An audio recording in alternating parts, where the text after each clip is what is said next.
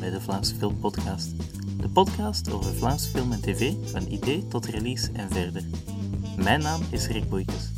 De voorbije weken deed ik interviews met mensen die in Vlaamse film en tv werken over de impact van de COVID-19-pandemie op hun werk. Deze interviews worden uitgegeven als COVID Specials. Voor deze aflevering spreek ik met producent Anthony van Biervliet. Hij produceerde de kerstfilm De Familie Klaus, die begin december op Netflix te zien zal zijn. Het interview gebeurde op een covid-veilige manier over Zoom. Als ik eind 2019 had gevraagd hoe 2020 er ging uitzien, wat zou je dan antwoorden?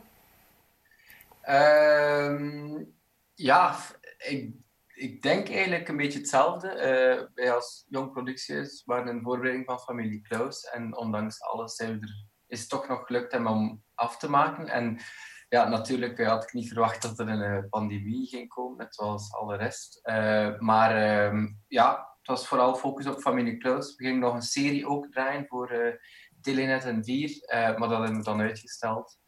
Ehm, maar dus ja, een heel klein beetje hetzelfde. In maart ging het land in lockdown. Wat voor gevolgen had dit voor u? Uh, ja, normaal gingen wij dus uh, 16 maart uh, effectief beginnen filmen aan Familie Klaus. En 15 maart, middags, ik herinner het mij nog goed, dan moest ik naar iedereen opbellen dat, dat ze thuis mochten blijven. Dus ja, dat had serieuze gevolgen. we wisten totaal niet wat er op ons afkwam. En we, in het begin bleven wij koppig doordoen. Ik denk zoals vele Belgen en velen van, wow, wat is dat? dat we doen toch door.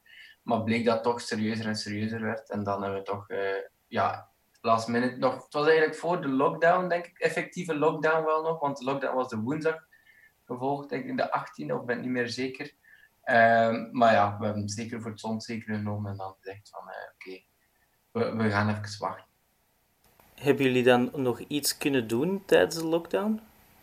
Uh, we moesten nog veel doen, ja. We moesten uh, alles stopzetten. Dus alle, alle vrachtwagens waren ingeladen. Uh, de decors stonden klaar. Ehm, ja, acteurs afbellen. Al, hotels afbellen. Dus we hadden vrij veel te doen. Plus, we moesten telkens nadenken van telkens onderhandelen met iedereen wanneer zijn je terug vrij, wanneer, allez, wanneer, hoe, hoe is de rest van uw jaar. Uh, want dan dachten we, ja, gaan we naar het najaar of niet? Uh, dus constant bezig zijn van, uh, ja, wat gaan we weer doen? dus het was een vrij drukke lockdown. Uiteindelijk vonden de opnames dan toch plaats deze zomer. Ja. Hoe werd er het, de datum gekozen om te starten? Um, we zijn eigenlijk vrij koppig doorgegaan. Uh, we zijn als eerste op, uh, opgestart. Um, en ik denk, ja, voor Ruben en mij, dus mijn medegenoot Ruben, was van het begin duidelijk van ja, oké, de pandemie dat, gaat voor lang blijven.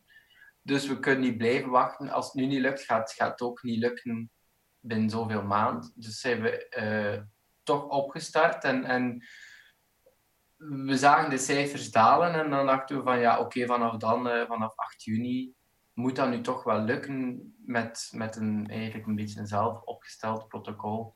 Uh, dus ja, het is, we hebben afgewacht, gezien en dan beslist.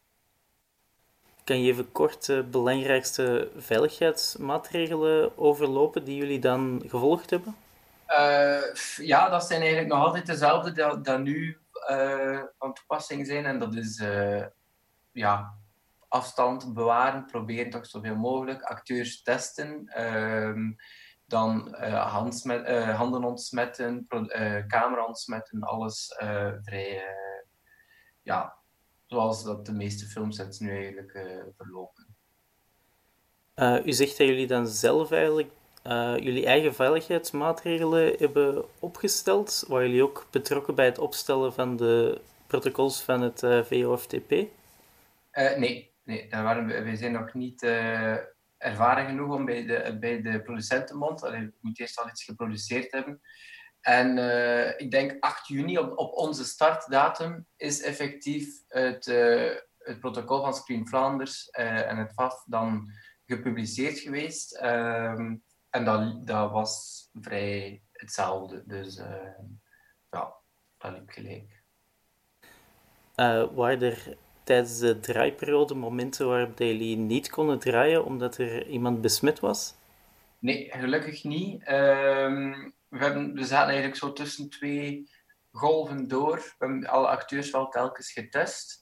Uh, per week en zo. Ehm, en ook een enorme planning gedaan uh, rond Jan de Cler vooral, want dat was risicogroep. Dus eerst zijn scènes eerst, samen met zo weinig mogelijk acteurs en dan geleidelijk aan uh, zijn bubbel vergroten.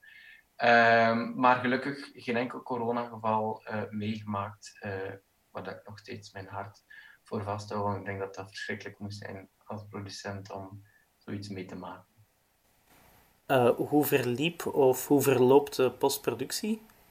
Merk je daar een grote impact door de pandemie? Uh, ja, uh, als, als, ja door, doordat we uitgesteld waren, uh, twee, twee, drie maanden, was onze, onze postproductie ook verkort natuurlijk. de film moest eind september al klaar zijn.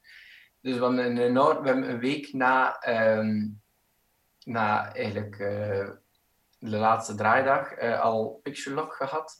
Dus het was echt een race tegen de klok. Ehm, maar uh, ja, we hebben fantastische mensen gehad op de postproductie, zoals Option Media en zo. Uh, die hebben ja, echt race tegen de klok alles afgewerkt. Uh, en maar ehm, qua corona ja, weet ik niet of dat er daar heel veel verandering aan was, want de meesten werken alleen achter hun computer qua in postproductie en zo. Dus ik zeg, het was, het was in de zomer, dus dan waren het al terug wat betere tijden uh, om dingen uit te voeren en zo, dan, uh, dan dat er nu weer aankomt. Onlangs werd bekend dat The Family Klaus op Netflix uitkomt in plaats van een release in de bioscoop. Hadden jullie voor uh, de pandemie al een samenwerking met Netflix overwogen? dat is altijd het idee dat dat zoveel mogelijk kan reizen natuurlijk, de film. Uh, het was misschien al het idee om dat voor enkel Nederland te doen. We gingen altijd uit van een uh, Vlaamse, zeker bioscoop-release. Um, maar uh, ja, dan is het uiteindelijk toch op Netflix beland. En als ik vandaag net hoor dat de bioscoop mee sluiten, dan, dan denk ik dat dat wel een goede beslissing was. Welke factoren speelden mee in de beslissing om dan toch naar Netflix te gaan? Uh, welke factoren? Ja, uh, met de vrees dat er een tweede golf komt dit na, uh, dat er in zou komen en wat dat effectief waar is gebleken. En met de vrees dat, dat ja, minder capaciteit, dat was ook al zo in juli. Um, plus, we wisten ook niet wat gaat het najaar geven. Gaan, gaan alle blockbusters samen op één hoop komen? plus, wij zijn ook maar zo'n korte tijd het is een kerstfilm, zo'n korte tijd in de cinema. Dus uh, je hebt maar een korte window om, om zoveel mogelijk bezoekers te halen. Het is niet dat je nog... Allez, na kerstmis valt je, valt in, valt bezoekersaantal volledig plat. Um, dus ja, uh, het, was eigenlijk altijd al de bedoeling dat met overvolle zalen toch ging bezocht worden. En uh, dat zag er niet naar uit dat dat ging gebeuren door de pandemie. Hebben jullie een reactie gekregen van de bioscopen? Um, wel, het is in overleg samen geweest natuurlijk met uh, KFD, Kinepol Kinepolis Film Distribution. Uh, zij zaten mee in de film. Uh, effectief van de, van de zalen zelf, zoals andere dan Kinepolis, heb ik nog niet. Ik heb wel één iemand gelezen op de redactie, die het ook ja, spijtig vond dat ook ja, een, een hopelijk publiekstrekker dat dat dan wegvalt. Um, ja, ik denk dat voor hen um, ook ja, verschrikkelijke tijden moeten zijn. Dus, uh, maar ja, het zijn er zoveel die weggetrokken zijn. Ja, James Bond, zo iedereen, uh, Dune, ze trekken allemaal weg. Dus uh, ja, moeilijke tijden. Zijn er onverwachte positieve kanten aan de gebeurtenissen van de voorbije maanden? eigenlijk wel. Ehm, als we het aan de positieve kant bekijken, hebben we veel meer voorbereidingstijd gehad voor, uh, voor de film. Um, de planning liep fantastisch, want iedereen was vrij. Het was niet vragen van ik moet nog een dag naar daar, ik moet nog een dag uh, daar filmen. Um, iedereen was ontzettend blij dat ze terug aan het werk mochten. Uh, er was terug een drive van oké, okay, we hebben hier lang genoeg binnen gezeten. er waren ook meer, meer getalenteerde mensen die beschikbaar waren. Waardoor dat we ja, echt de film nog een beetje een, een, een, ja, een niveau hoger kunnen tillen hebben. En dan, ehm, ja, het is, het is een. Uh, dat is dan het positieve dat we dan toch meer aandacht aan de film hebben kunnen geven. Uh, zie je de maatregelen volledig verdwijnen nadat er een vaccin is? Uh, ik hoop het. Ehm, ja, ik weet het niet goed. Nadat er vaccin is, ja, als het vaccin er gaat zijn, dan gaat nog vechten zijn wie dat er het eerst krijgt. Ik zie toch wel dat we dan nog tot... Ja, ik had gelezen dat we tot, nog, tot zomer 22 met mondmaskers gaan moeten leven. Dus ik vrees dat dat uh, in de filmsector niet anders zal zijn. En als het volledig weg is, dan zijn er maatregelen die dat eigenlijk wel interessant zijn en die kunnen blijven? Uh, ja, ze gaan het niet graag horen, maar uh, met een beperktere ploeg draaien, is, uh, dat is gebleken dat, dat dat ook lukt. Ga je andersom bij het kiezen van nieuwe projecten met de kans op een pandemie in het achterhoofd? nee, nee, helemaal niet. wel, allez, maar dat, dat is altijd wel een feel good maken. En we geloven dat, dat, dat er daar zeker meer vraag zal naar zijn. Ehm, maar effectief, je bedoelt de productie of... Uh... Ja, meer het, uh, bij het kiezen van projecten ga je dan denken van wat als er ineens alles moet stilliggen of... Ja, denk het niet. Anders, ik hoop dat niemand dat doet, want anders gaan we corona-projecten maken en dan, dan is het niet meer onze droom dat we vervullen. Uh, het moet eigenlijk omgekeerd zijn dat we ons aanpassen aan de maatregelen die er op dat moment iedere keer zijn. Dus uh, hopelijk dat ze erop weg zijn. Uh, mocht er in de toekomst een nieuwe pandemie komen, hoe kunnen we ons daar beter op voorbereiden? Goh, ik denk dat we daar... Ik vrees dat we daar als maatschappij en al, dat we daar niet, nooit hangen voor klaar zijn om, op ons, om, om op voor te bereiden. Dat is praktisch onmogelijk je weet ook niet wat dat de symptomen zijn van een ander, of hoe rap dat het gaat, of, of hoe snel dat je sterft. Dus ik vrees dat, dat uh, ook op politiek vlak dat dat dit uh, een soort van zootje zal zijn, maar dat het uiteindelijk toch wel al bij al wel goed komen. Dat hoop ik toch. Je vermeldde dat jullie een tv-serie hebben die jullie hebben uitgesteld. Is het al duidelijker wanneer jullie daarmee kunnen verder gaan?